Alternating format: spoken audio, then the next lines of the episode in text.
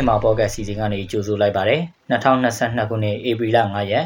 ဒီကနေ့ကျွန်တော်တို့တင်ဆက်မယ့်အစီအစဉ်မှာတော့ပြည်သက်တွေစိတ်ဝင်စားပွဲမူဗီနယ်သတင်းပြည်တွင်းသတင်းနဲ့အာဆီယံသတင်းသတင်းပေးပို့ချက်တွေအပြင်ပြည်သူတွေတည်ထားတဲ့နေ့စဉ်ကုန်စည်နှုန်းသတင်းချို့ကိုအစီအစဉ်ပထမပိုင်းမှာရွေးချယ်ပြီးတော့တင်ဆက်ပေးသွားမှာဖြစ်ပါတယ်ဒါအပြင်ဒီမိုကရေစီနဲ့ဖက်ဒရယ်စနစ်ကိုအခြေခံတဲ့ပြည်ထောင်စုတည်ဆောက်ရေးအတွက်ဖက်ဒရယ်ပြည်ထောင်စုနိုင်ငံတွေရဲ့ဖွဲ့စည်းတည်ဆောက်မှုတွေကိုလေ့လာပြီး အကြံပြုချက်ရေးသားပြုစုထားတဲ့အဖွဲ့ကိုနတ်စကကောင်စီကဖွဲ့စည်းခဲ့တဲ့ဆိုတဲ့သတင်းပေးပို့ချက်ကိုတင်ဆက်ပေးပါဦးမယ်။ဒီကနေ့အစီအစဉ်မူကတော့ကျွန်တော်ခန့်မှန်းသူကတာဝန်ယူတင်ဆက်ပေးတော့မှာဖြစ်ပြီးကျွန်တော်နဲ့အတူမိအိုင်ဘလော့ကသတင်းတွေကိုကူညီဖတ်ကြားပေးတော့မှာပါ။နားဆင်ကြရတဲ့တဲ့အားလုံးကိုမင်္ဂလာပါလို့နှုတ်ခွန်းဆက်တာပါရစေ။ကျွန်မမိအိုင်ဘလော့ကကိုခန့်မှန်းသူနဲ့သူကူညီတင်ဆက်ပေးသွားမှာပါ။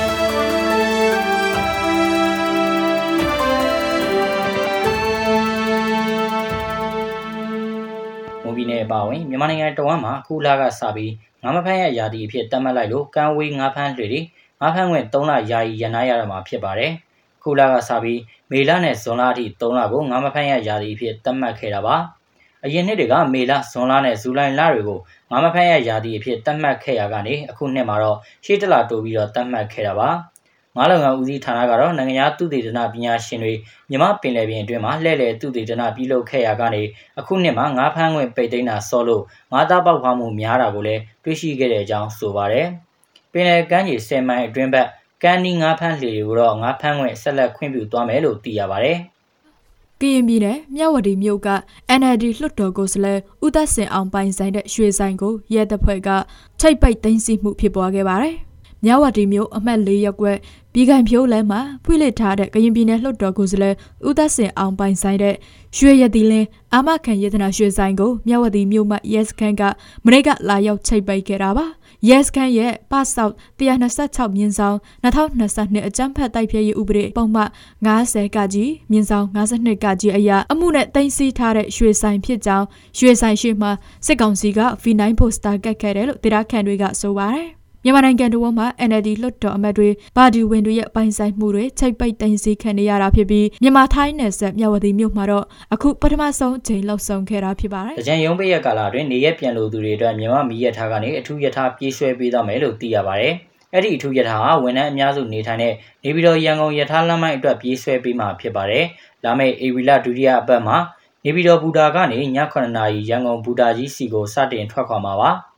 ဧပြီလတတိယအပတ်ည9:00နာရီမှာတော့ရန်ကုန်ဘူတာကြီးကနေနေပြည်တော်ဘူတာစီကိုပြန်လည်ထွက်ခွာမှာဖြစ်ပါတယ်။ယထာလက်မှတ်ခါကိုတော့ယူတန်အတွက်2800ကျပ်နဲ့အထက်တန်းအတွက်9600ကျပ်သတ်မှတ်ထားပါတယ်။မြန်မာပြည်ရထားဟာနိုင်ငံရေးအခြေအနေတွေကြောင့်နေပြည်တော်ရန်ကုန်ယထာလမ်းပိုင်းကိုပဲပြေးဆွဲပေးနိုင်မှာဖြစ်ပါတယ်။ပြီးခဲ့တဲ့လအတွင်း KNU နဲ့စစ်တပ်ကြားတိုက်ပွဲ900ကျော်ဖြစ်ခဲ့ပြီးအရက်သားနဲ့နှစ်ဖက်သေးဆုံးတန်ရာရတာတွေရှိခဲ့တယ်လို့ KNU ထုတ်ပြန်ခဲ့ပါတယ်။ KNU ထိန်းချုပ်နယ်မြေထဲမှာစစ်တပ်နဲ့မဲလာအတွင်းဖြစ်တဲ့တိုက်ပွဲပေါင်း900ကျော်အတွင်းစစ်တပ်ဘက်က429ဦးသေဆုံးခဲ့တယ်လို့ KNU ဗဟိုကဒီနေ့သတင်းထုတ်ပြန်လာတာပါ။ကရင်မျိုးသားလွတ်မြောက်ရေးတပ်မတော် KNLA ကရင်မျိုးသားကာကွယ်ရေးတပ် KNDO တွေနဲ့စစ်တပ်စစ်တပ်လက်အောက်ခံနေကြားစောက်တပ် BGF တို့ကြားထိတွေ့ပစ်ခတ်မှုနေ့စဉ်ဖြစ်ပွားခဲ့တာလို့ဆိုပါတယ်။ တစ်ဖက်မှာလည်းအဲ့ဒီတိုက်ပွဲတွေကြောင့် KNLA နဲ့ KNDO တို့ဘက်မှ22ဦးသေဆုံးပြီး35ဦးဒဏ်ရာရခဲ့တယ်လို့ထောက်ပြန်ချက်ကဆိုပါတယ်။ KNU နယ်မြေတဲကတိုက်ပွဲတွေကြောင့်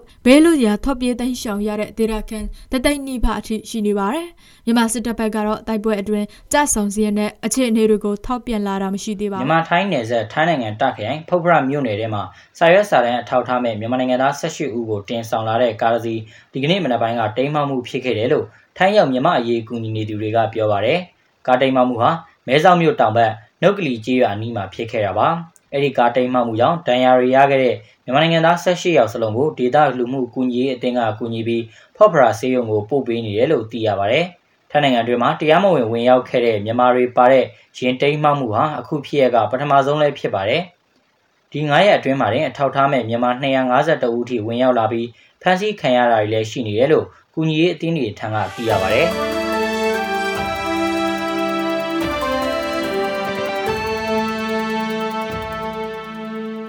ပြည်သူတွေသိထားတဲ့နေ့စဉ်ကုန်စည်နှုန်းသတင်းတချို့ကိုမော်လမြိုင်ကုန်စည်တန်းကအချက်လက်တွေကိုအခြေခံပြီးဆက်လက်တင်ဆက်ပေးပါဦးမယ်။ဒီနေ့ထိုင်းနဲ့မြန်မာငွေလဲနှုန်းကတော့ထိုင်းဘတ်55.3ညဝယ်ဈေးရှိပြီးရောင်းဈေးကတော့55.22ရှိနေပါတယ်။ဒ ဒေါ်လာဈေးကတော့အမေရိကန်ဒေါ်လာကိုဝယ်ဈေးမြန်မာငွေ1840ကျပ်ရှိပြီးရောင်းဈေးကတော့1850ရှိနေပါတယ်။ရွှေဈေးနှုန်းကတော့မီလင်း16ပဲတစ်ကျပ်သားကို20သိန်း15000နဲ့15ပဲတစ်ကျပ်သားကို18သိန်း5000ရှိနေပါတယ်။73စီဈေးတွေကတော့ဒီဇယ်1လီတာကို2215ကျပ်အောက်တိန်62တလီတာကို2985ကျပ်နဲ့95တလီတာကို2110ထိရှိနေပါတယ်။ ဘာဘာဈေးနှုန်းမှာတော့အကောင်းဆုံးနီလန်းလွတ်တစ်ပေါင်ကို1110ကျပ်ရှိပါတယ်။စံဈေးနှုန်းကတော့အကောင်းသားပေါ်ဆံမွေးစံသား90ကို9200ကျပ်အလဲလက်တန်းစံအမျိုးသား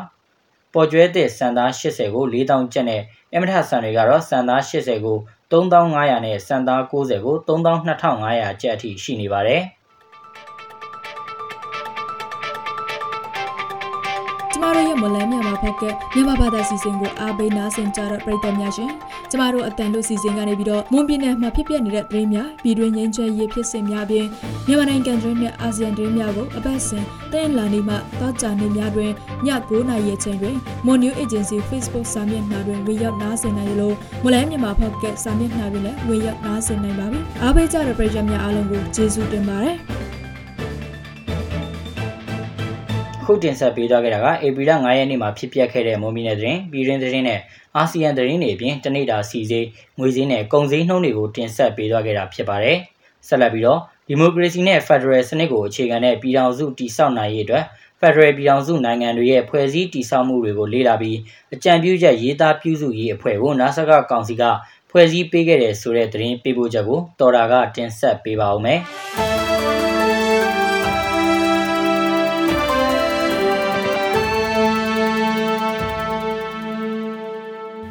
မြန်မာနိုင်ငံမှာဒီမိုကရေစီနဲ့ဖက်ဒရယ်စနစ်ကိုအခြေခံတဲ့ပြည်ထောင်စုတည်ဆောက်နိုင်ဖို့အတွက်ဖက်ဒရယ်ပြည်ထောင်စုနိုင်ငံတွေရဲ့ဖွဲ့စည်းတည်ဆောက်မှုတွေကိုလေ့လာပြီးအကြံပြုချက်ရေးသားပြုစုရေးဖွဲ့ကိုနာဆာကကောင်စီကဖွဲ့စည်းခဲ့တယ်လို့သိရပါတယ်။အဲ့ဒီဖွဲ့ကိုဒုတိယဗိုလ်ချုပ်ကြီးအေဝင်းကိုအဖွဲ့ခေါင်းဆောင်ဖြစ်တာဝန်ပေးအပ်ခဲ့ပြီးဗိုလ်ချုပ်တင်မောင်ဝင်းဗိုလ်မှူးကြီးအောင်ကျော်ထွန်းပုံမှုနေဟိန်းတို့ကိုအဖွဲ့ဝင်တွေဖြစ်ဖွဲ့စည်းခဲ့တာပါရခိုင်ဥဆောင်ပါတီ AFP မှာဥက္ကဋ္ဌဒေါက်တာအေမောင်က ဖက်ဒရယ်ဒီမိုကရေစီနိုင်ငံတည်ဆောက်ဖို့ဥတည်နေဒီမှာတေချာစေဖို့အဖွဲ့ဖွဲ့တဲ့အတွက်ကြိုးဆိုကြောင်းအဲ့ဒီအဖွဲ့ကနေတင်ပြလာတဲ့အချက်လက်တွေကိုအခြေခံပြီးဖွဲ့စည်းပုံအခြေခံဥပဒေတစ်ခုကိုရေးဆွဲတင်တယ်လို့ဆိုပါတယ်ခုနကျန်တို့ပြောတဲ့အဖွဲ့ဖွဲ့တွေဆိုရင်အဲ့ဒီနိုင်ငံတွေနဲ့ပတ်သက်လို့သူရဒနာပြုတဲ့အဖွဲ့ကတဖွဲ့ပို့ဗျာဟုတ်ပြီလားအဲ့ဒီဥမာနီပိုတို့အိန္ဒိယတို့ရဲ့ နော်ဖက်ဒရယ်နဲ့ပတ်သက်တဲ့ဖွဲ့စည်းပုံအခြေခံဥပဒေအချက်လက်တွေကဘလို့ဘလို့ဩစတြေးလျကဘလို့ဘလို့ဆိုတာလေးကိုစုစည်းပြီးမှတင်ပြတဲ့အဖွဲ့ကတဖွဲ့နော်2007ဖွဲ့စည်းပုံအခြေခံဥပဒေကအချက်လက်လေးတွေခုနကရလာတဲ့ခုနအဖွဲ့ကတင်ပြလာတဲ့အဖွဲ့အချက်လက်လေးတွေကိုစုစည်းပြီးမှဖွဲ့စည်းပုံတစ်ခုကိုပြီးပြီးပြင်းပြင်းရေးဖို့ကနောက်တစ်ဖွဲ့ပညာရှင်များပါတဲ့နောက်တစ်ဖွဲ့အဲ့ဒါမျိုး နော် SCC ဘက်ကအခုလက်ရှိအချင်းချက်အထင်းမှာနော် SCC ဘက်ကလိုချင်တဲ့ Federal Democracy နိုင်ငံတို့ဖွဲ့စည်းပုံအခြေခံဥပဒေတစ်ခုကိုဘလို့ရေးဖို့အတွက်အစီအစဉ်ရှိတယ်ဆိုတော့အစီအစဉ်ဖို့ဗျာခေတ်စကားနဲ့ပြောရင်တော့ road map ပေါ့နော်ဖွဲ့စည်းပုံအခြေခံဥပဒေဆိုင်ရာ road map ကဘလို့ဘလို့ဆိုတာကို SCC ဘက်ကကြိုးကျင်းညာရင်ပိုကောင်းတယ်အခုနာကဖွဲ့တဲ့အဖွဲ့ကနံပါတ်1ပေါ့ဗျာနံပါတ်2ကအဲ့ဒီကရတဲ့အချက်လက်လေးတွေကို ဟလာဘလို့စူးစီးမယ်လက်ရှိ2008ဖွဲ့စည်းပုံကအချက်လက်တချို့ကိုဘလို့ပေါအောင်လုပ်မယ်နော်အဲ့ဒါမျိုးနဲ့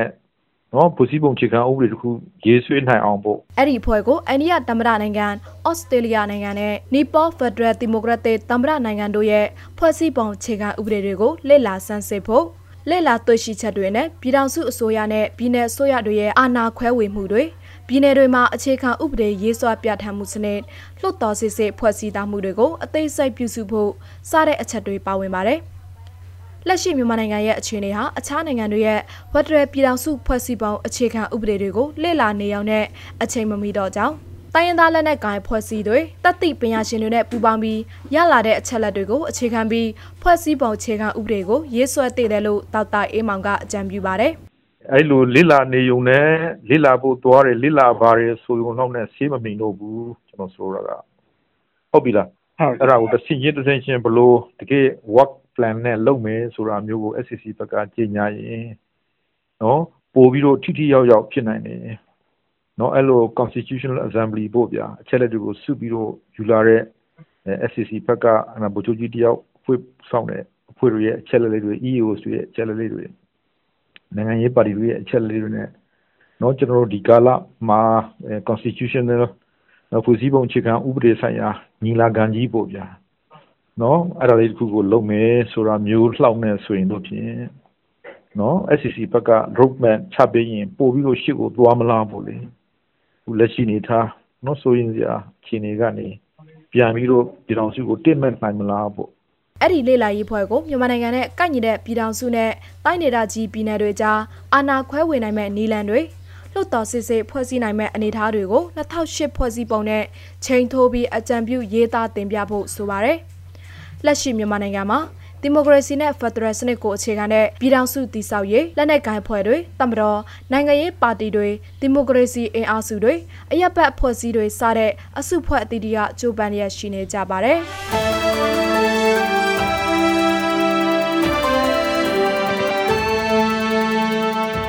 မတို့ရဲ့မလဲမြန်မာပေါ့ကတ်အစီအစဉ်ဒီမှာတင်ပြီးဆုံးပါပြီ။နားဆင်ကြတဲ့ပရိသတ်အားလုံးကိုနောက်နေ့အစီအစဉ်တို့မှာဆက်လက်အားပေးကြပါအောင်လို့ဖိတ်ခေါ်ရင်းအစီအစဉ်ကိုအဆုံးသတ်ပါရစေ။အားလုံးကိုကျေးဇူးတင်ပါတယ်ရှင်။